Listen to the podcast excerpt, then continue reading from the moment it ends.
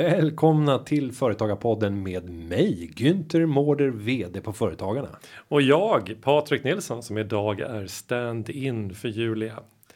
Eh, för att hon möter sommaren i Berlin, om jag förstått saker rätt. Kan vara så. Kan vara så. Vad pratar vi om idag? Jo, men nu är jag här eh, och jag är ju då chef över den politiska avdelningen här på Företagarna, så därför blir det ju lite politik på det här temat idag. Sexigt, eller hur? Mycket. Och sen kommer vi prata om det orimligt intressanta och engagerande ämnet betaltider. Och så kommer jag bli skolad i saker jag inte kan. Jag kommer få veta allting om normalbeloppet. Och efter det så tänkte jag att vi eventuellt om du sköter riktigt bra kan ta en löneförhandling avslutningsvis för det har vi faktiskt inte hunnit med. Jag har sparat eh, godbitarna till allra sist. Ingen Show me the money, Günther. Show me the money. Ja, vi får se. Det här eh, blir förhoppningsvis vad vi brukar säga ett matnyttigt avsnitt. Ett magiskt avsnitt. Magiskt avsnitt. Eh, där, där, där måste jag dra en liten, en liten avstickare. Eh, jag brukade ställa frågan till mina barn, jag har slutat med det, eh, till de två äldsta när de var fy, ja, fyra och två. Eh, när de hade gått på toaletten och eh, gjort avföring så frågade jag, var det en magisk bajs? Ja pappa, det var en magisk bajs. var det bara jag som tyckte det var Ja, alltså det är bättre att den är magisk än matnyttig kan jag tycka. Nej, men, och, och, och sen så berättar de ju det på dagis när de har suttit eller på förskolan. Så förskolepedagogerna kom ju och frågade. Var- Varför frågar era barn eller kommer att berätta att det var en magisk bajs? ja, så kan det vara. Men eh, Patrik, nu är det dags. Eh, det här är Företagarpodden 2.0. Men Patrik, eh, du leder ju företagarnas företagarpolitiska arbete och till ditt förfogande så har du ju faktiskt över 20 medarbetare om vi inkluderar regioncheferna som också Ja, det var väldigt generös. den regionala politiken. Jo, men de, de ska göra på ett regionalt plan och därutöver 1900 förtroendevalda som kämpar på det kommunala planet. Och nästan 70 000 medlemmar Och som 70 är 000. väldigt engagerade i de här frågorna. Ja, hit- den här styrkan, den här arsenalen av företagare. Vad vad är det vi har lyckats åstadkomma tillsammans? Om vi nu summerar snart det första halvåret av 2017. Ja, men vi kan, vi kan väl börja med att ändå säga lite vad som 2017 började ju egentligen med att en bunt, är liksom en pärlband av eh, utredningar från regeringen som i allihopa liksom ha, ha, ha, antingen eh, ökade kostnaderna för företagen i form av skatter eller helt, enkelt försvårade den näringspolitiska eller näringsverksamhet eh, verksamhet för många branscher. Vad pratar vi om för förslag? Ja, vi pratar ju, repetera? om vi pratar på skattesidan så kom ju framförallt eh, 3.12 utredningen. Vi hade en flygskatt, vi hade en finansskatt, vi hade en eh, vägslitageskatt, vi hade en eh, liksom, drivmedelsupphöjning av. eh, Det fanns en hel del saker som var på skattesidan. Och när jag tittar egentligen på försvårad näringsverksamhet så eh, har vi ju, vi har ju fortfarande en debatt inom välfärdsbranschen branschen, men också upphandlingsreglerna har ju varit under väldigt lång diskussion under den här, det här året. Så man kan säga så här, vad vi har gjort var ett väldigt defensivt arbete och man till och med vill ju säga lite tråkigt politiskt arbete. Men sen ska man inte sticka under stol med att för en organisation som driver liksom politik så är det ibland inte någon nackdel att det blossar upp frågor som man kan attackera. Ja, nej men det, åh, det är massa, det är massa saker jag vill säga. Ja. Men till att börja med kan man ju säga att det, det, det är givetvis så att våra medlemmar blir ju mer och mer engagerade ju mer vi, det, liksom går eh, Eh, kommer förslag som går emot dem och jag känner ju då i det arbetet att man får väldigt, väldigt mycket kraft från från medlemsgruppen och blir, det man, ens argument blir ju väldigt, väldigt mycket starkare. Jag har aldrig några problem att hitta duktiga exempel på företagare som gör ett väldigt, väldigt, väldigt bra jobb i sin, i sin vardag men som nu helt plötsligt kommer få det svårare att, att bedriva sin näringsverksamhet, anställa människor och det här är ju någonting som ändå politiker kan liksom stanna upp och lyssna på. Men jag ska säga, det, är- det är ju inte därför alltså, nödvändigtvis roligt att göra det arbetet. För det är ju defensivt, det är ju inte politisk utveckling någonstans där vi kan göra det bättre för företagare. Det handlar ju bara om att inte göra det sämre. Och så finns ju alltid den risken också att vi kan misslyckas. Ska man ju ändå komma ihåg. Och om, om vi nu tittar på den politik som bedrivs så har man ju från eh, Socialdemokraternas sida och inte minst Stefan Löfven gått till val med att vi ska ha en aktiv näringspolitik. Mm. Eh, är det en aktiv näringspolitik vi ser just nu?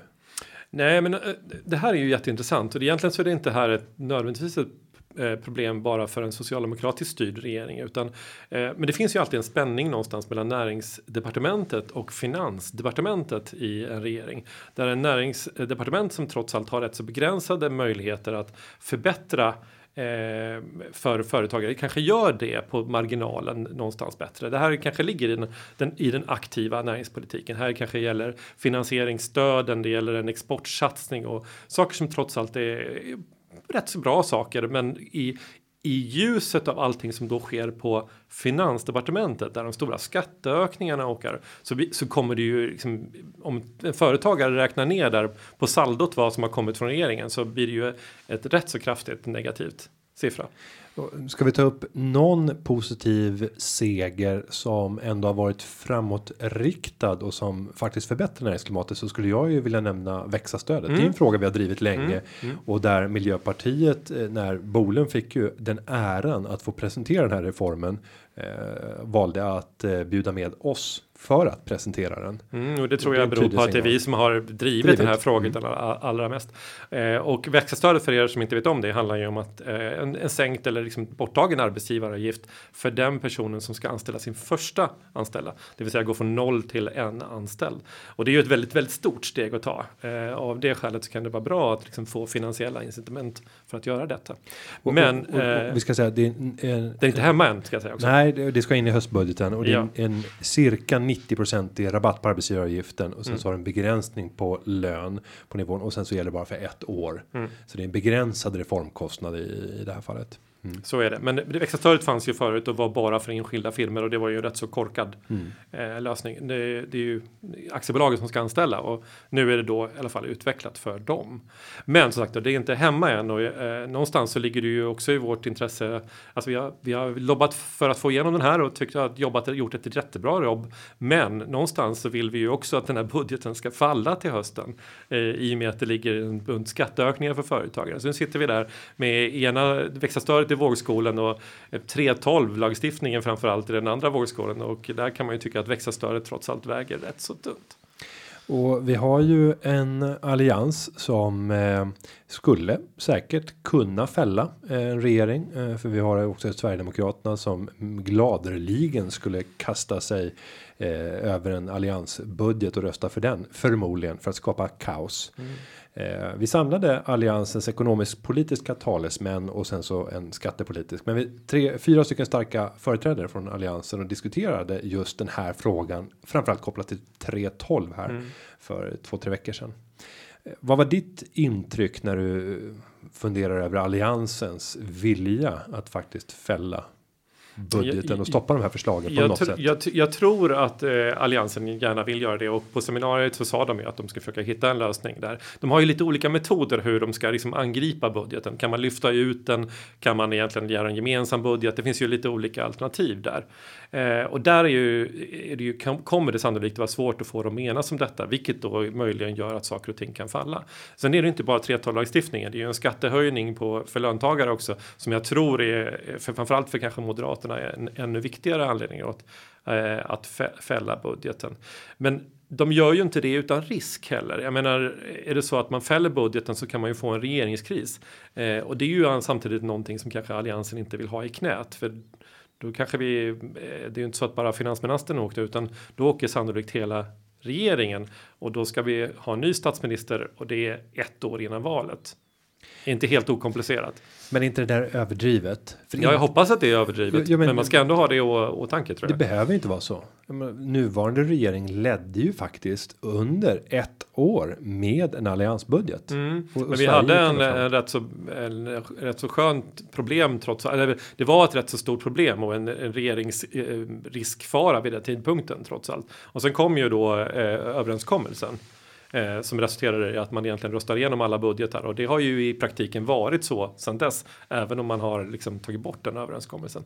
För nu är det tre saker. Det är flygskatten 312 eh, förändringarna Mm. och det är höjningen av marginalskatt som alliansen gemensamt är överens om att det här ska stoppas. Mm. Om vi räknar samman den totala kostnaden för det här så pratar vi några, någon ynka procent av en statsbudget. Så det är inte så som att helt omkullkastar förutsättningarna för att kunna styra det här landet. Finns det inte en tendens i den politiska världen att liksom förstora upp det här till en magnitud som inte ens går att föreställa sig givet hur verkligheten ser ut? Eh, ja, men alltså, i grunden ligger ju trots allt att de politikerna har en ideologi som de står för. Eh, eh, varje gång en sån här budget kommer, om det blir en procent eller två eller tre, eh, så någonstans behöver ju då ett, en opposition säga nej. Det är ju trots allt oppositionens uppgift. Eh, oavsett vilken som, vilken som är regering och vilken som är i opposition. Så att det är klart att det till viss del handlar om symboler, men symbolerna ligger ju liksom i eh, någonstans som byggstenarna i det ideologiska eh, liksom, bygget för ett parti. Nu har vi pratat lite pengar, lite budget. Det finns ju en annan fråga som också är på bordet för tillfället. Du tänker handlar- betaltider. Jag tänker på betaltider och det hände någonting i slutet av förra året. Eh, Du, ja, eh, det var då näringsministern gick, eh, ja, stödde upp oss kan man säga. Det här har ju varit ett problem under lång tid att, att småföretagen i liksom rent principiellt liksom agerar bank till storföretagen. Eh, och det här är ju en typisk för oss då ett här David och Goliat eh, liksom fråga där det lilla företaget utnyttjas av de större industriföretagen framförallt för det är ju främst på produktionssidan. Ja, men också inom tjänstesidan. Jag har Ja. själv erfarenheter och vi pratar då betaltider på upp mot 120 dagar. 120 dagar förekommer i, i flera fall. Och Jag, jag ska också säga här att en sak som kan vara svår att komma runt är, är att även om det kan vara 30 dagars betaltid så kan ibland företaget be det lilla företaget att inte fakturera för ett speciellt datum och då därmed komma undan den här eh, principerna som trots allt någorlunda, de här normerna som ändå finns på eh, i näringsvärlden. Nej, jag, jag tänker på min, min egna erfarenhet. När jag pluggade så drev jag ett, ett bolag som gjorde jobb åt finansiella nyhetsbyråer och bland annat en av världens största internationell nyhetsbyrå. Eh, Jag ska inte nämna namn, men ni kan gissa vem av de två det är. De hade sett i Holland. Eh, att- Okej. det finns fler än två tänkte jag annars. Men Ja, det är inte finansiella nyhetsbyråer. Jag har inte sagt eh, namnet på dem. Eh, där fick inte jag fakturera förrän arbetet var utfört. Jag gjorde kvartalssammanställningar över eh, nyhetsrapporteringen och hur de förhöll sig till sina konkurrenter. Eh, så det var normalt sett 20-25 dagars arbete. Efter sista dagen då fick jag skicka en faktura och det dröjde ofta över 100 dagar. Så att för mig så var det ju då 100 plus ja, 25 dagar, 125 dagar från det att man utförde första arbetet till dess att man såg röken av eh, en slant och det här är ju tjänstesektorn eh, så det står härliga till. Och där kan man verkligen fundera över ett modernt bolag med schyssta IT-system eh, borde ju ha förmågan att kunna hantera det ja, här. du, du tänker att det, det är ett administrativt problem. Ja, det här är ju en ren, tänker inte jag. nej, det är, det är en ren och skär eh, vad ska man säga, en blåsning av, av företagen på motstående sida i de här fallen. Ofta små företag som inte har någonting att säga. Som kan inte sätta emot. Det, det som jag tror också är bra att säga i det här sammanhanget är att Sverige har ju varit bäst i klassen kan man säga när det gäller betaltider. Vi har ju haft låga Har, betal. har varit. Precis, och nu har vi då rasat ner i den här listan väldigt mycket. Och någonstans är det ju inte här, det här bortsett från att det är en rättvisefråga, vilket jag tror är, tycker är jätteviktigt, så är det ju här också ett samhällsproblem någonstans. När ekonomin liksom går långsammare Eh, så resulterar det ju också att tillväxten blir försämrad. Så att det, det, är ett, det är ett större problem. Eh, Men det här är en, en fråga där näringsministern har hotat om lagstiftning nu, eh, vilket eh, vi på ett sätt har välkomnat för det gör att det finns ett reellt hot om någonting som vi helst av allt inte skulle vilja se. Vi vill ju se att näringslivet livet själva löser 30 dagars betalningstid och sen kommer överens om i vilka branscher det ska finnas undantag för att det föreligger särskilda och synnerligen goda skäl för det. Eh, Men där kan vi konstatera att det finns lite motståndare Ja, det, det måste ju vara det. För att det, ju, det, det kan man säga att det hukar ju bänkarna i, på de, i de större företagen och branschorganisationer. Det är ju inte så heller att de säger emot utan de bara säger ingenting är väl svaret. De säger att de inte vill ha lagstiftning. Nej, och någonstans så är det väl upp till de här eh, belackarna som eh, faktiskt inte vill sätta sig ner vid bordet och diskutera en lösning seriöst. att faktiskt öppna munnen och berätta. Vad vill de? Är det lagstiftning de vill ha? Jag kan inte tänka mig att det är det. Nej, det är det inte. Men då får de ju också komma till förhandlingsbordet. Ja, de måste börja bedömning. prata. Tystnad är inte en framgångsrik påverkansmetod. Ehm, men på det här temat så har jag låtit intervjua eh, Intrum Justitias eh, Sverige vd Per Henrik Persson och eh, ni ska få höra om eh, de eh, resultat som han har funnit i den rapport som Intrum har- tagit fram på en europeisk nivå som heter European Payment Report. Så jag tänkte vi ska lyssna på den intervjun som jag spelade in tidigare. Varsågoda.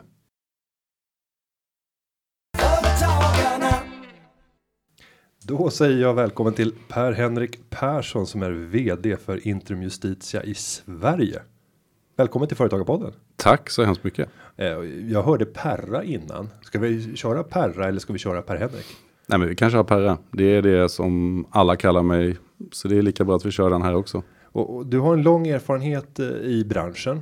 Hur länge har du varit verksam inom betalbranschen om vi ska uttrycka oss på det sättet? Eh, jag har nog snart börjat närma mig 20 år. Eh, varit, började redan eh, mitten eller ja, lite före mitten på 90-talet. Så jag, man kan nog säga att jag har ja, varit i den här branschen ganska länge. Tröttnar man inte efter 20 år? Nej, man gör ju inte det. Eftersom det är så spännande och det händer så mycket nya saker hela tiden. Så att nej, jag tycker det finns, det finns eh, gott skäl att jobba i den här branschen länge och, det finns eh, mycket, mycket, mycket mer kvar att göra för att få de ekonomiska eh, hjulen att snurra ännu bättre. Och om vi går tillbaka 20 år i tiden och tittar på branschen som den såg ut då. Så är det ju väsensskilt mot det vi har idag. Om du ska försöka sammanfatta några av huvuddragen i din 20 år långa karriär inom betalbranschen. Kan man sammanfatta det med några ord?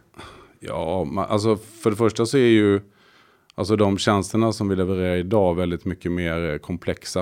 Eh, det var alltså för 20 år sedan så var väl eh, betalbranschen om man tar inkassobranschen specifikt ganska så tydligt att man, man gjorde ungefär samma sak. Man skickade ett inkassobrev och man gjorde, skickade ungefär samma brev till alla oavsett. Idag så anpassar vi våra processer mycket, mycket mer och vi har en eh, en extrem fokus på att hela tiden hitta rätt typ av åtgärd för rätt typ av situation. Som också passar våra kunders behov. Och det skulle jag säga är en stor utveckling tillsammans med att den eh, branschen som sådan har blivit mer fin finansiell i sin karaktär. Det var på den tiden så var det väsentligt eh, färre gånger som vi själva var involverade i att till exempel köpa fordringar. Idag är det en, en stor produkt som är, som är en stor tillväxtprodukt i hela, i hela Europa. Eh, och anledningen till att du sitter här idag utöver att eh, det är spännande att få ha dig i studion. Det är ju också att ni eh, från Intrum Justitias sida på en europeisk nivå har släppt en rapport European Payment Report som ni löpande släpper ut och där man kan se hur läget ser ut när det gäller betalningar runt om i Europa. För ni är ett stort bolag idag. Hur många tusen anställda är det? Alltså vi är ungefär 4000 anställda idag. Och 6 Eh, miljarder i omsättning såg jag typ förra året. något Ja. sånt. Eh, och 21 länder. Så vi finns, vi har en bra täckning över Europa. Och, och den här undersökningen som vi, eh, som vi gör nu, den har vi gjort eh, ganska länge. Eh, vi börjar närma oss eh, dryga 10 år nu. Eh, och det är just det som är så spännande när man gör en sån här undersökning där det är många som svarar. Det är över 10 000 som, som svarar på undersökningen varje år. Då får vi också möjligheten att jämföra och se på trender. Och det är framförallt trender som är spännande i den här, eh, i den här undersökningen. Och då pratar vi 10 000 företag som har svarat för det här är en företagsrapport. Exakt så. Och om du får sammanfatta huvuddragen i vad är det vi ser i årets rapport och vad är det vi generellt sett ser i de här rapporterna? Eh, om vi börjar med vad, vad vi generellt sett ser i rapporterna så är det ju trender eh, som, jag var, som jag nämnde. Eh, det är trender om hur eh, företag upplever eh, alltså just betalningsmekanismen i, i varje marknad. Eh, man kan se till exempel hur mycket fordringar som skrivs av. Man kan se eh, vad man upplever som de största alltså hindren för att skapa tillväxt. Så det finns en, en hel del stora frågor som vi hela tiden följer upp och, och, och får svar på här. Och det som är framförallt nu då spännande och, och det vi lägger mycket fokus på om man tittar på några nyckelfindings i den senaste rapporten. Det är just att det är väldigt tydligt över hela Europa att småföretagarna är väldigt pressade utav, sin utav likviditet och att en stor del utav anledningen till att de är det, eh, det beror på att eh, de faktiskt pressas utav sina leverantörer. Eh, tvingas betala, Eh, alltså tvingas betaltider som man egentligen inte är bekväm med. Eh, och här ser vi att i princip 70% utav småföretagarna eh, är, eh, upplever det här som ett stort problem och att den trenden ökar. Och det tycker vi är anmärkningsvärt, eh, i synnerhet nu när man eh, till exempel har börjat göra lagstiftningsförslag där offentlig sektor eh, måste betala på 30 dagar. Det finns ett EU-direktiv om det. Och där man till exempel nu i Sverige, vilket är häpnadsväckande, ser att eh, betaltiderna går åt fel håll på offentlig sektor trots de nya lagarna. Det är några av de nyckelfindings som vi får ut ur den här rapporten som är som är anmärkningsvärda. Och om man inte visste resultaten i rapporten så skulle man ju kunna resonera att just nu så har vi en extremt expansiv penningpolitik i Europa och i synnerhet i Sverige, eh, vilket gör att vi har minusränta. Det borde göra att företagen borde vara mer måna om att betala fort. Under de här senaste tio åren när ni har gjort rapporten så har digitaliseringen varit påtaglig, vilket borde ha ökat förmågan att kunna betala snabbt för det är en mm. snabbare hantering. Så att de här två eh, stora mega, om vi ska prata om megatrenderna, eh, talar ju i motsatt riktning mot rapportens resultat. Ja. Vad beror det på? Det, det som alltså det, det företagarna själva upplever som är också är tydligt i svaren här. Det är att väldigt många upplever att den som inte betalar i tid har en avsikt med att inte göra det. Och det är en tydlig trend tycker vi att man ser att fler och fler avsiktligen använder sina, sina leverantörer som, ja man skulle ju kalla det, kunna kalla det bank. Vilket får alltså allvarliga effekter på hela, hela möjligheten att växa. Det är så många som eh, 10% utav eh, småföretagarna i Sverige som säger sig att de skulle anställa fler personer om de fick betalt snabbare. Och då är vi inne liksom i en, en eh, arbetsmarknadspolitisk diskussion som skulle innebära att vi skulle kunna skapa 67 000 nya jobb i Sverige. Eh, om man tittar på hur många företag det finns. Eh, och avsiktlighet att betala för sent i kombination med att det också anges skäl som administrativa svårigheter. Har jag i varje fall väldigt, väldigt svårt att se som, som liksom reella argument för varför man inte skulle kunna betala sin faktura på 30 dagar. Alltså om vi jämför 20 år tillbaka i tiden, då, då hanterade man varje pappersfaktura faktiskt postalt, skickade dem vidare till sina filialer, fick dem attesterade. Då skulle man kanske kunna säga att det fanns ett skäl till att det tog tid. Idag så skickas ju i princip allting digitalt och jag ser inte att det finns eh, några rationella skäl för att, för att de argumenten fortsatt är så stora i påverkan på, på betaltiderna. Och nu är det ju inte alla företagare som lyssnar på den här podden som gör affärer med storföretag. Men då kan vi förklara att det är inte ovanligt med 60 dagar med 90 dagar, ibland 120 dagars betalningstid. Och det en företagare kan ställa sig frågan det är vad hade hänt om jag själv hade haft 120 dagar betalning i de relationer som jag hade som småföretagare. Det hade ju aldrig varit acceptabelt. Man hade ju blivit helt vansinnig när man stötte på det som småföretagare. Men här är man ju i ett beroendeförhållande. Det är ett styrkeförhållande som är extremt ojämnt mellan de här storföretagen och småföretagen. Om du tittar på lösningen, hur kan man balansera den här den här obalansen som finns mellan liten och stor? För det, det är svårt att sätta sig upp mot den stora. Absolut, och det är, det är väl det som är en av utmaningarna här. Att det, att det är just eh, maktbalans som kanske är en viss påverkan på att de här betaltiderna kommer fram. Och det är inte bara storföretagen, det är även så om du tittar på de, eh, på de offentliga. Att, att, eh, att man, man, kan tydligt se att det finns en medvetenhet i det här. Och det, det tycker vi att man behöver göra någonting åt. Eh, vi, vi är inte säkra på eller tror egentligen inte att, att lagstiftning är rätt element för det. Vi har, nu, nu har vi sett lagstiftningen inom offentlig sektor. Vi har sett eh, att effekten till och med går åt fel håll. Eh, vi tror att det här handlar om att ta ett samhällsansvar. Vi tror att det här är saker som man borde få in i sin hållbarhets, eh, i, i, bland alla andra hållbarhetsfrågor. Vi tycker att det här borde vara eh, självklart att man, att man redovisar i sin hållbarhetsredovisning vad man har för betalningstider och när man faktiskt betalar. Och det är en, en, eh, alltså en åtgärd som vi tror skulle kunna alltså stärka upp det här så man faktiskt får upp i ljuset vilka det är som medvetet eh, faktiskt väljer eh, och nyttjar betaltider som ett ekonomiskt inst instrument som inte är positivt för samhällsutvecklingen och för företagandet i allmänhet. Men om vi tar ett sånt här exempel med 120 dagars betalningstid. Föreställ dig att vi fick möjligheten att integrera en liten kamera och ett litet elektroniskt GPS chip som kunde följa den här fakturan digitalt genom olika system. Eh, vad är din bedömning och vad säger dina kunskaper om vad händer med fakturan från det att eh, att eh, den har har skickats från leverantören till till det här storbolaget Eh, är det så att den kan vara hanterad på väldigt kort tid och sen så ställer man bara in ett betalningsdatum som ligger långt fram i tiden som sitter och väntar på det. Eller vad är det som händer längs den här processen? Jag tror man måste skilja på, alltså jag brukar prata om vad man ger för kredittid och vad man sagt, faktiskt sen får betalt på. Det, det är ju, i, i grunden så är ju, är ju frågan om 30, 60, 90, 120 dagar en affärsöverenskommelse som görs när man gör upp affären. Eh, det är redan där man tvingas eh, att acceptera och det är väldigt många som i undersökningen säger att man inte, att man inte eh, är bekväm med att man behöver acceptera så långa betaltider, men man gör det ändå. och där någonstans börjar det och kommer man då överens om att ja, men om jag ska få den här affären så, så måste jag erbjuda 60 eller 90 dagar istället för de 30 som jag egentligen skulle behöva. Då har man ju gett det som ett, ett avtalsmässigt löfte. Sen när man sen skickar sin faktura, då, då handlar det om när man sen faktiskt får betalt på den. Och då skulle jag säga att det, det är ett större problem idag att man tvingar fram långa avtalade betaltider än att det är väldigt stor skillnad sen i, i, när man faktiskt betalar dem. Även om det finns en viss diskrepans där också. Men där, där är ju Sverige ett land som är rimligt bra att hålla avtalsvillkoren. Konsumenterna ligger på typ 24 dagar.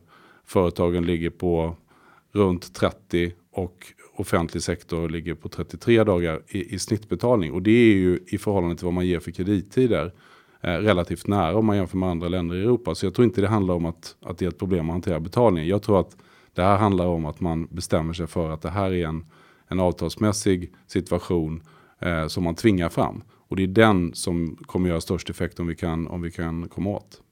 Nej, och jag går tillbaka till min gamla värld och där var det ju investeringsvärlden. Där tittade vi ju ofta på hur snabbt tar man betalt eller får in pengarna och hur eh, snabbt går det i motsatt riktning för att se finns det en bra och fördelaktig balans som gör att företaget på så sätt kan få en, en gratis finansiering. Eh, och där såg man ju positivt och påhejade en sån här typ av utveckling för det gav en högre avkastning åt aktieägarna. Mm. Men jag har också privata erfarenheter. Mitt första företag som jag drev så eh, jobbade jag mot en av världens största nyhetsbyråer och gjorde rapporter på dem varje kvartal eh, som jag skickade på daglig basis.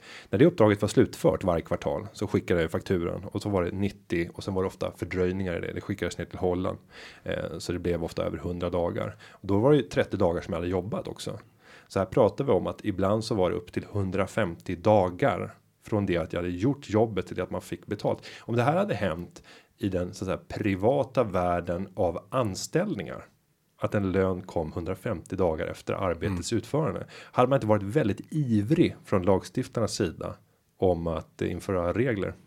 Det är jag ganska säker på också. Eh, att, att den typen av eh, vad ska vi säga, skevhet i hela systemet Eh, hade aldrig tillåtits om det hade varit mot, eh, mot konsumentsektorn.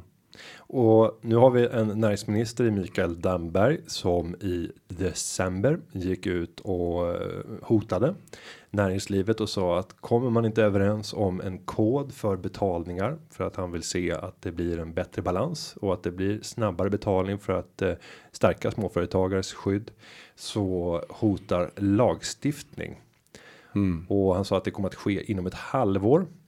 Eh, ett halvår från december. Ja, då är vi nästan precis i Almedalsveckan. Mm. Jag resonerar att det kan komma att bli något större utspel att han gör något nummer av det här i Almedalen. Eh, tror du att näringslivet till att börja med kommer att kunna hitta en överenskommelse? Jag hoppas verkligen det. Vi har själv startat ett initiativ som vi kallar för 30-dagarsklubben som är som syftar till att just eh, hitta ett, ett eh, alternativ som inte är lagstiftning som mer handlar om uppförandekod och kopplingen till hållbarhetsredovisning som jag nämnde. Eh, vi, vi, eh, vi tycker vi har bra gensvar från marknaden på att det finns eh, eh, intresse att komma ut nu i, en, i någon form av eh, uppförandekod som, som innebär att man då ska kunna i princip bli certifierad eh, god betalare på 30 dagar. Eh, och jag hoppas verkligen att det initiativet kommer få fäste. Därför att det kommer, tror vi, vara en helt annan effekt på än, än lagstiftningen som sådan. Vi har sett alldeles för många exempel på där lagstiftningen ändå inte får någon impact. Och jag tycker vi ser det redan, eller även på resultaten som vi har i vår undersökning nu. Så jag hoppas det. Sen om han eh, eh, kommer, kommer göra någon, någon attack på det här i Almedalen eller inte, det kan man ju spekulera i. Ett halvår brukar ju kunna, och jag har någon initierad källa som kanske har eh, lyckats få, få fram att ett halvår blir ju ibland lite längre än ett halvår. Men, men någonstans eh, inom ramen Almedalen framåt september så är det inte alls omöjligt att det kommer komma ett utspel från, eh, från Mikael Damberg. Ja, ett mycket långt halvår. Men om vi eh, går tillbaka och tittar på en möjlig lösning. Vi har ju skissat tillsammans och ställt oss bakom en, en gemensam kod. Vi har andra branschorganisationer som också säger att det här är en lämplig kod eh, och där eh, vi också säger tillsammans att eh, självklart ska det finnas lägen då det föreligger särskilda skäl till att ha andra betaltider än 30 dagar. Men då måste det tydligt definieras varför det är ett sånt synnerligen starkt skäl. Mm. Men trots att vi har presenterat ett sånt här förslag som är ett möjligt. Nu är det inte så att man sitter kring ett förhandlingsbord i ett sånt här läge, men vi har lagt fram ett förslag, men det har inte mötts av eh, jubel och klang från alla och inom Svenskt Näringsliv som är en, en bärande kraft inom det här med alla sina arbetsgivarorganisationer så finns det flera stycken som motsätter sig det här. Vad är din analys bakom de som motsätter sig det här? Vad vill man hellre ha lagstiftning? För det är ju hotet. Alltså, det är det som väntar om vi inte hittar en lösning själva. Nej, men jag tror att det här handlar om eh, osäkerhet. Eh, det, det, är alltid så här när man kommer med nya idéer att, att liksom gå först i bräschen för det här. Det kan vara, kan vara lite utmanande och jobbigt. Och jag tror att just den frågan du är på. Eh, att det är många företag. I många företagsrelationer så finns det behov av undantag. Och jag tror att det är just undantagen som är det som, som kanske gör att många säger att ja men alltså hur ska vi kunna skriva på det här? Den här just den här affären måste vi göra på det här sättet. Jag tror att det är just det som är tricket. Jag tror att det är också det som är den stora nackdelen med, med att skaffa en lagstiftning. För hur ska man kunna lagstifta? Det finns ju uppenbara industrier eller branscher där vi, eh, där vi behöver ha andra betalningsvillkor. Jag menar hur skulle det funka för en cykelhandlare eller en bokhandlare eller en bilhandlare? Det, alltså det förstår alla att här går det inte att jobba med 30 dagars villkor. Det måste finnas den typen av undantag. Men att definiera dem i en lag tror jag är väldigt, väldigt svårt. Att, att komma överens med dem i, en, eh, i ett eh, sånt här initiativ som vi pratar om nu, en uppförandekod med, eh, med en viss flexibilitet tror jag är mycket, mycket enklare. Och jag hoppas verkligen att, att eh, näringslivet, eh, att vi får en bra dialog med dem om det här. Därför att det här, det här skulle kunna hjälpa alla det skulle kunna hjälpa hela eh, samhällsekonomin. Det skulle framförallt kunna hjälpa de eh, företagen som just nu har stora, stora bekymmer med att man faktiskt eh, blir drabbad likviditetsmässigt. Och istället för att skaffa en lag så skulle man kunna göra det här till en, till en gemensam sak. Där vi, precis som vi gör i miljöfrågor och andra stora frågor i samhället just nu, går ut och tar ett gemensamt ansvar. Eh, och om vi ser på en sån här lagstiftning eh, och istället eh, föredrar en kod, för det gör ju vi eftersom vi har lagt fram den. En kod som föreskriver att särskilda skäl föreligger eh, så kan man ju med enkelhet ha en bilaga eller ett appendix där man också har en tolkning och eh, bygger upp ett, ett ark där man kan visa vad är synliga skäl och där man skapar en större flexibilitet när det gäller förhandling inom branschen för vad är rimligt. Men att det också finns en möjlighet att stämma av med andra parter med andra branscher om vilka överenskommelser som gör. Mm. Vad tror du om utsikterna? Eh, kommer vi att få en, en lagstiftning och vad skulle det innebära i sådana fall? Ja, som sagt, jag hoppas på koden. Eh, jag hoppas att inte det blir en lagstiftning, men jag tror att det finns en, en ganska stor risk att det blir det om inte näringslivet ganska snabbt nu börjar reagera på den här, eh, i den här frågan. Eh, vad det skulle innebära? Ja, det skulle innebära att vi då får samma typ av lagstiftning mellan företag som vi har mellan eh, eh företagen och offentlig sektor. Eh, jag tror personligen att det är en, ett trubbigt sätt att eh, ta tag i en fråga som borde vara självklar för alla. Eh, och jag är inte säker på att, att bara för att lagstiftningen sker eh, så kommer effekten bli så stor som vi önskar. Vi ser ju trenden på det här, alltså hela EU-direktivet om late payment som har funnits ett antal år nu. Det är fortfarande en väldigt, väldigt många företagare som inte ens vet om det här. Eh, det, tar, det, tar en, det tar tid att få liksom in en sån här eh, typ av lagstiftning. Det kommer ta tid innan den får någon effekt. Och om den får någon effekt Eh, så tror jag att det skulle gå betydligt snabbare att skapa den effekten genom att man, att man faktiskt går ut tillsammans. Eh, det är inte så vansinnigt många stora företag i Sverige som skulle behöva sätta sig ner och, och eh, faktiskt göra en överenskommelse att man tycker det är rimligt att göra det här. Och skulle man göra det på det sättet så skulle vi slippa en trubbig lagstiftning som jag tror blir väldigt svår att få eh, rätt typ av effekt på. Mm. Ja, vi hoppas på eh, gemensamt samma lösning. Eh, vi får se var det landar. Sen måste jag ställa en, en avslutande fråga av ren nyfikenhet. Interim Justitia.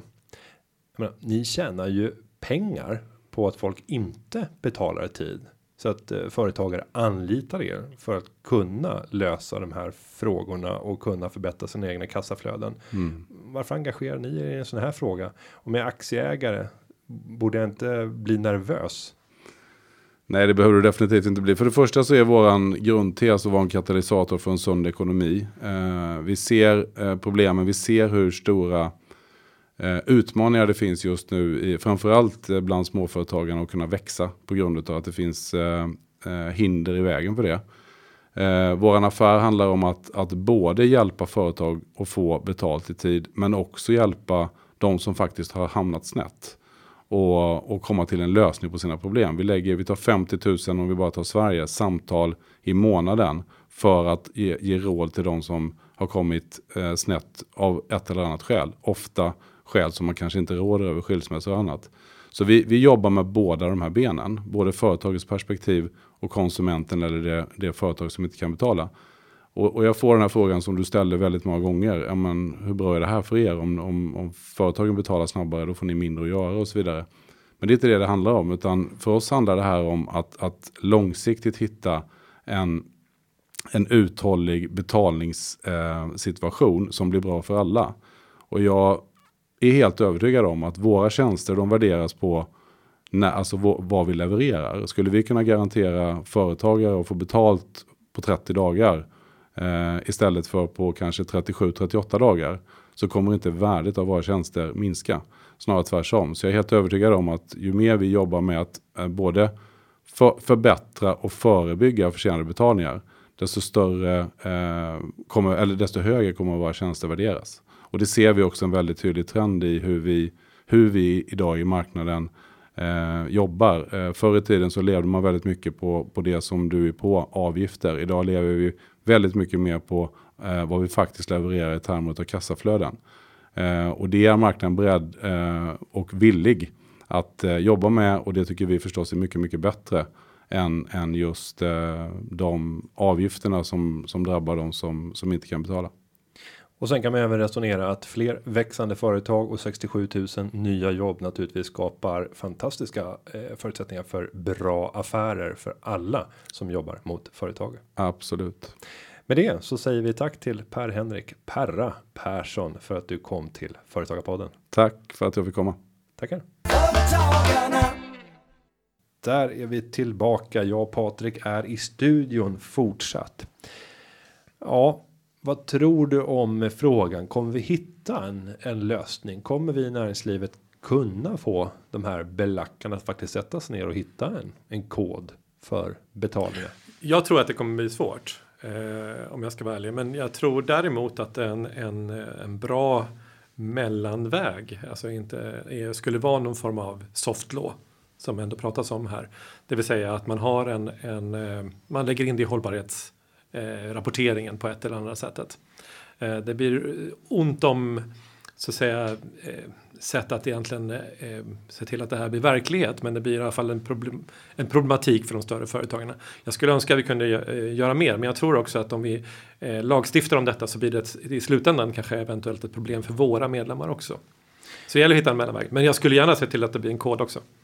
Och tänker man hållbarhetsrapportering och vad som skulle inträffa i ett sånt läge. Det är svårt att se vilka reprimander. Vad skulle du kunna ha för straffpåföljder? Eh, Om du då ska redovisa i en hållbarhetsredovisning vad du har för genomsnittliga betaltider, vilka undantag du gör.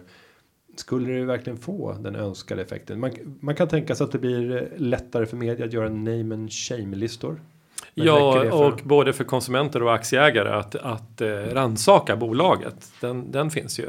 Eh, det, det, den, den effekten tror jag vi kan ändå vänta oss någonstans. Och vi kan ju hjälpa till också att se till att den dyker upp. Sluta handla från Ericsson. för de har 90 dagars Det låter inte riktigt som vi, eller hur? Men, men, men eh, man skulle utan problem kunna säga vilka det är som har, eh, i större utsträckning har frångått den här koden. Ja. Vilka företag det är. Eh, någonstans, eller koden eller eh, hållbarhetsredovisningen. Och det är ju ändå så tanken är att den här hållbarhetsredovisningen, att om man frångår de 30 dagarnas principen så måste man redovisa varför detta. Och det ju, kan ju vara väldigt problematiskt om detta i stort sett alltid beror på att man ville bara ha lite mer pengar. Men, men eh, vi från Företagarna står ju naturligtvis beredda att fortsatt behålla ledartröjan. Eh, att vi har ett, ett färdigt förslag som finns förankrat med flera andra. Intrum Justitia, fordon, fordonskomponentsgruppen finns med i det. Flera står beredda och snart ansluta sig till, till den förslaget till kod också. Eh, med stor sannolikhet. Så mm, vi jobbar träget på. Och jag ska säga att efter den här eh, samtalet som jag hade med Per, eh, Perra så eh, har jag också fått reda på av näringsministern att det är första september som gäller. Så min, min utsaga eller min gissning om Almedalen den faller därmed. Och, och man kan väl också säga så här att det ger ju oss några månader till att arbeta på den här frågan. Och är det så att någon som lyssnar på det här har extremt många bra idéer på hur vi ska närma oss det här problemet som vi inte har tänkt på. Så får man ju hemskt gärna höra av sig. Eller hur? Gör det. Man kan mejla mig. Ta direktkontakt patrik.nilsson foretagarna.se. Nu tänkte jag att vi ska få lyssna till en vanlig företagare, en eh, framgångsrik sådan. Han har drivit företaget Kaffebönan som han nu har avyttrat och han heter Anders Tunestam och han har råkat ut för att hamna i kläm just när det gäller betaltider. Eh, ni ska föra en kort intervju som jag gjorde i samband med seminariet då European Payment Report spelades in. Varsågoda.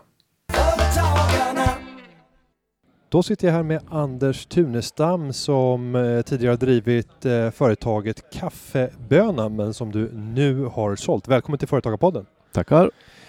Du har ju engagerat dig när det gäller betaltider. Varför har du gjort det? Ja, det här, för mig började det här för kanske fyra, fem år sedan någonting. När eh, jag under en ganska kort tidsperiod fick eh, brev från tre olika stora företag. Eh, där man konstaterade bara att från och med nu ändrar vi våra betalningsvillkor. Och vi ska ha allt, det här var väl alltifrån 45 dagar till 90 dagar tror jag. Eh, och bad oss och och ändra i våra register helt enkelt. Eh, ett av bolagen de, de skrev någonting i stil med att eh, om vi hade någonting att invända mot det här då skulle vi vända oss till Tyskland till någon avdelning de hade där nere för att diskutera det och det skulle ske på engelska. Och bara det tyckte jag var att slå undan benen på ett litet företag långt upp i Dalarna som i och för sig kan prata engelska men sättet de, de uttryckte sig på var ju bara maktspråk rakt igenom. Eh, ett annat företag, där hade jag ett skriftligt avtal där vi nyligen hade tecknat ett nytt femårigt avtal med betalningsvillkor tydligt angivna 30 dagar. Och de sa bara det att från och med nu betalar vi på 45 dagar. Och, då tänker den kanske vanliga konsumenten eh, och ställer sig säkert frågan kan man göra så här? Och, nu har vi fått höra, vi har varit på ett seminarium tillsammans. Eh, det finns ju till och med liksom europeiska direktiv i frågan. Varför är det här fortfarande ett problem med betaltiderna? Ja, någonstans så, så kommer det väl sig utav att de stora företagen sitter och räknar på kassaflöden och väldigt lätt kan se att man kan förbättra sina siffror genom att eh, förlänga betalningstiderna. Och de vet samtidigt om att väldigt många småföretag är väldigt beroende av några få eh, kunder. Och eh, då, har man, då, då finns det ingen maktbalans i det här utan då bara kan man skicka ut ett direktiv och så får man betydligt längre betalningsvillkor för att småföretagen inte törs och orkar stå emot. Eh, utan de måste, de, man bollar ju över likviditetsproblematiken neråt i näringskedjan på något sätt till de som egentligen har svårast att, att reda ut sin egen likviditet också. För det är den som alltid är tuff för ett litet företag. Nej, och det här får ju naturligtvis negativa konsekvenser för de små företagen, för kaffebönan själv som du beskriver, eh, som du drev, så innebär ju längre betaltider att det driver mer rörelsekapital. Eh, det blir svårare att växa, kanske blir svårare att anställa i det läget. Eh, så det borde ju ligga i nationens gemensamma intresse att vi kommer till rätta med det här problemet. Vad ser du som den eh, enkla och eh, lätt genomförliga lösningen i frågan? Ja, diskussionen har ju varit på tapeten nu i så pass många år tycker jag, utan att det egentligen har hänt någonting. Och, och även om det bär mig lite grann emot som förespråkare för fri företagsamhet så återstår det ju inte så mycket mer än lagstiftning känner jag. Mm. Och här från näringsministerns sida eh, under seminariet som vi har deltagit på så ger han beskedet att eh, han eh, kan tänka sig att överväga, han är inte främmande för lagstiftning använder han. Ordet främmande ger ju öppningar för tolkningar. Va, vad gör du för tolkning av hans uttalande? Första september nämner han som ett datum nu. Ja, han, han, han sa ju också att han helst ser en, en, någon form av frivillig överenskommelse om det här. Eh, men i slutändan så är han inte främmande som sagt för en lagstiftning. Och jag har ju för sig hört honom säga det här för fem år sedan också. Eh, och, och, utan att det har hänt speciellt mycket nu då. Men, men eh, någonstans så känner jag ändå att eh, näringsministern menar allvar. Sen är ju den politiska situationen som den är i Sverige just nu och, och med allt vad det innebär. Hur länge sitter han som näringsminister? Det vet vi inte. Och vad, vad vill en eventuellt ny regering i den här frågan? Det, det kan man ju undra. Så jag tycker på något vis att menar han allvar, då måste han vara snabb nu och visa framfötterna. Ja, och tänker vi en eh, en lagstiftning så måste man också fundera över vilka branscher är det som kan tänkas behöva lida för en lagstiftning. För det är klart att vissa branscher har ju av naturliga skäl helt andra betaltider. Jag tänker inte minst på handeln ja. där det är väldigt långa betaltider för att man har eh, prylarna som man säljer i butik och liknande. Ser du problem och utmaningar när det gäller lagstiftning för att kunna hantera olikheter mellan olika branscher? Naturligtvis så, så, så, har olika branscher sin speciella problematik och det måste man ju på något vis ta hänsyn till. Annars så funkar det inte, eh, givetvis. Men det måste kunna gå att lösa tycker jag. Mm. Ja, vi får se var vi eh, landar i eh, slutändan. Med det så säger vi tack till Anders Tunstam som tidigare har drivit företaget Kaffebönan och drivit frågan om betaltider hårt. Tack för att du deltog i Företagarpodden. Tack så mycket. Då är jag och Patrik tillbaka här i studion igen. Och det är tveklöst så att eh, den här typen av beteende som vi ser från enskilda storföretag där man eh, helt sonika bara ändrar förutsättningarna för en företagare när det gäller betaltider sätter käppar i hjulet för likviditetsplanering. Det också drabbar ju naturligtvis eh, möjligheten att kunna växa för man kan inte planera. Det drabbar också benägenheten att ta risk, anställa. Så jag vill hävda att det här hämmar svensk ekonomi. Men där sätter vi punkt Patrik för betaltidsdiskussionen och ska avsluta med en lyssnarfråga. Mm, och jag har fått i uppdrag här att läsa den för dig. Varsågod. Tack så jättemycket. Eh, den kom från Najari eh, från Jönköping. Eh, han undrar lite mer om din kanske. Hur vet vi att det är en han? Det kan vara en hon. Najari. Det kanske det är. Ja, det, vi säger att det är en hon. Ja.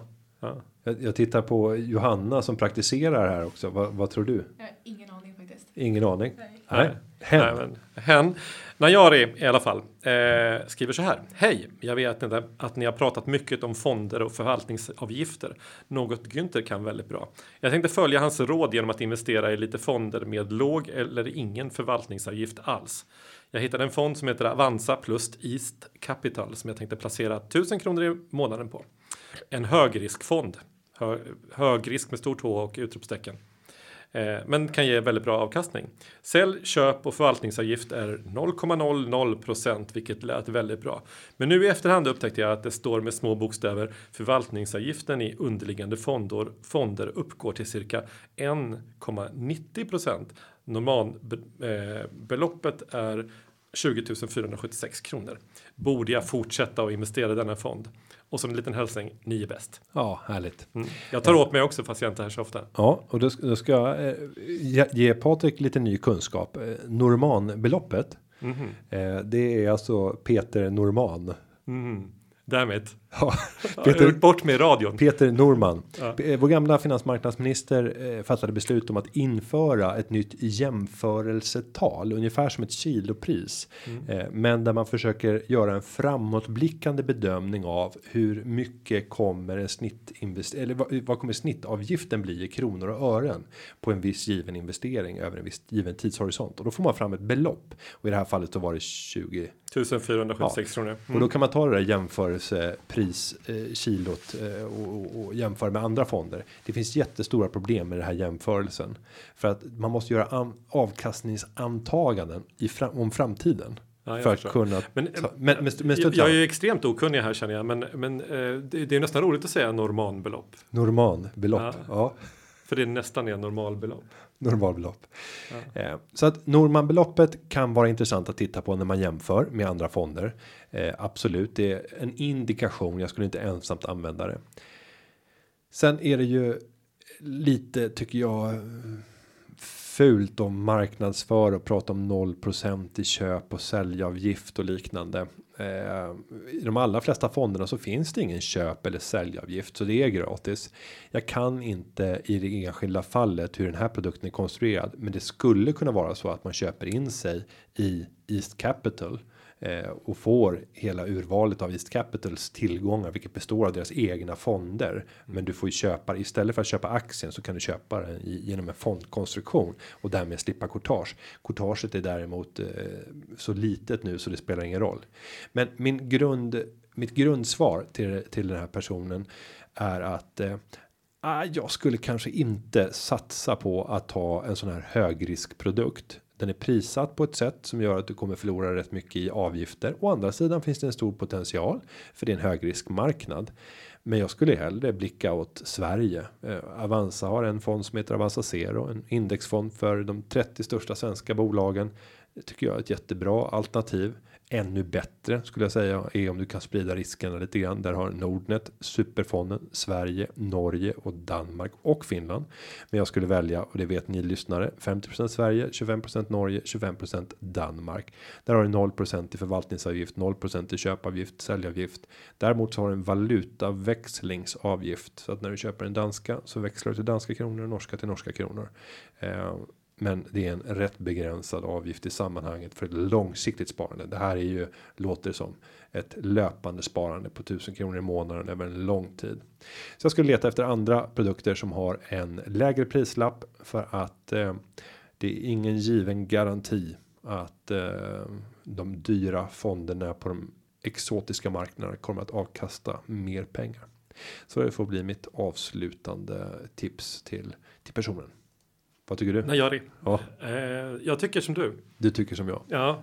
Eh, Vi jag har ju- vågar inte annat. Jag har inte förhandlat lönen för. Nej, och vi har ju diskuterat ditt ditt sparande eller snarare En brist på. ja, Ja. ditt slösande. Ja. Eh, ha, Vi har, har mycket att lära varandra du och jag. har det skett någon förändring i, Nej, i ditt liv eller är det fortfarande det- det lika har slösaktigt? Ja. Men, men det är ju ändå inte speciellt flådigt. Nej, nej, ja, men jag är väl inte det minsta flådig någonstans Nej. egentligen. Eh, det kan jag tycka. Vi, Jag vi har mycket att lära varandra som sagt Jag, var. jag känns nästan, alltså i sammanhanget så känns jag nästan okej flådig. Jag skulle säga att jag kanske, du egentligen kanske, ja precis, du kanske är den flådigaste personen jag känner. Någonstans. och det kanske är en komplimang. Men, men flådigaste person, men, men ex, eh, till en kostnad som är närmast obefintlig. Ja, ja det är ju... Flådig det, brukar ju faktiskt vara förbundet med att man lever en flådig livsstil och det brukar eh, höga kostnader. inte hur många bilar har du? Eh, jag har tre nu. Ja. Jag hoppas att jag har två om, om en liten stund. Jag håller på och kränger bil. Ja. Ja, jag, jag tror att många eh, lyssnare har, har sett mitt galna tilltag. För er som inte har gjort det så kan ni gå in på min privata Facebook-sida, den är öppen. Eh, där finns min gamla Blocket annons. Som Blocket för, för övrigt försökte stoppa fem gånger. Eh, innan de släppte igenom den. Och eh, det krävdes ett mail till deras support. Där jag, nu ska jag vara lite billig här. Det var jag som gav oss in på det här spåret. Jag börjar be om ursäkt till alla lyssnare. Men jag, jag, jag använde, du vet, om man ska använda sitt, sin makt eller sitt kändisskap. Eh, så brukar man säga att eh, man ska inte göra det. Men i det där läget så påminde jag den personen som satt i kundservice att jag råkar ha en räckvidd i sociala medier på ungefär 80 000 följare. Eh, och det här börjar göra mig väldigt frustrerad. Låt oss nu bara glömma eh, den här diskussionen som vi har haft och eran block av min annons som ni har gjort i fem gånger nu när jag har gjort ändringar och så lägger ut annonsen. Det här kommer bli en succé och yes, det blev en succé. 9000 klick har den genererat en artikel och vi har, och vi pratar ett dygn. Eh, så att jag tror att de är rätt det nöjda. är rätt flådigt. Det är flådigt. Mm. Mycket flådigt. Ja. Hörru, det står här längst ner på min lapp här att Ja. vi ska påminna lyssnarna om massa saker. Ja, vi ska påminna om att man ska prenumerera på podden. Man ska skicka in frågor till hashtag eh, eller eh, till hashtag företagarpodden med ö på Instagram, men framförallt på Twitter. Man kan också gå in på företagarpodden.se där det finns ett formulär som man kan fylla i om man har en lite längre fråga, vilket Najari gjorde eh, om förvaltningsavgiften här. Och så kan man, eh, om man vill skicka förslag på teman som ni ska ta upp här, så ska man skicka dem också. Så är det. Mm. Så med det så rundar vi av den här podden. Kul att få ha med dig den här gången. Eh, Patrik, Julia kommer att återkomma nästa vecka. Tack själv. Så med det säger vi att podden har klippts av Linda Aunan Edvall. Vi hörs igen nästa vecka. Hej så Kram. länge.